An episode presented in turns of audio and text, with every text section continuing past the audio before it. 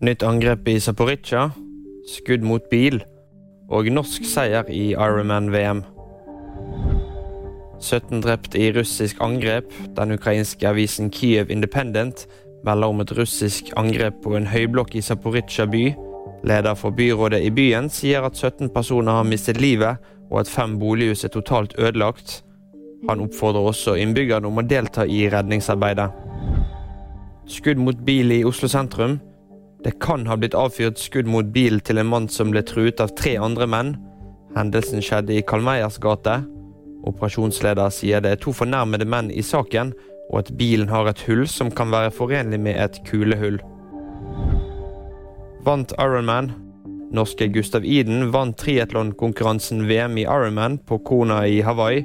Han slo bl.a. norske Christian Blumenfeldt, som ble nummer tre. Denne øya prøvde å ødelegge meg, dette var episk, sier Iden. Ironman-løpet inkluderer 3,9 km svømming, 180 km sykling og 42 km løping. Og VG-nyhetene fikk du av meg, Kristoffer Gåsvær Torgersen.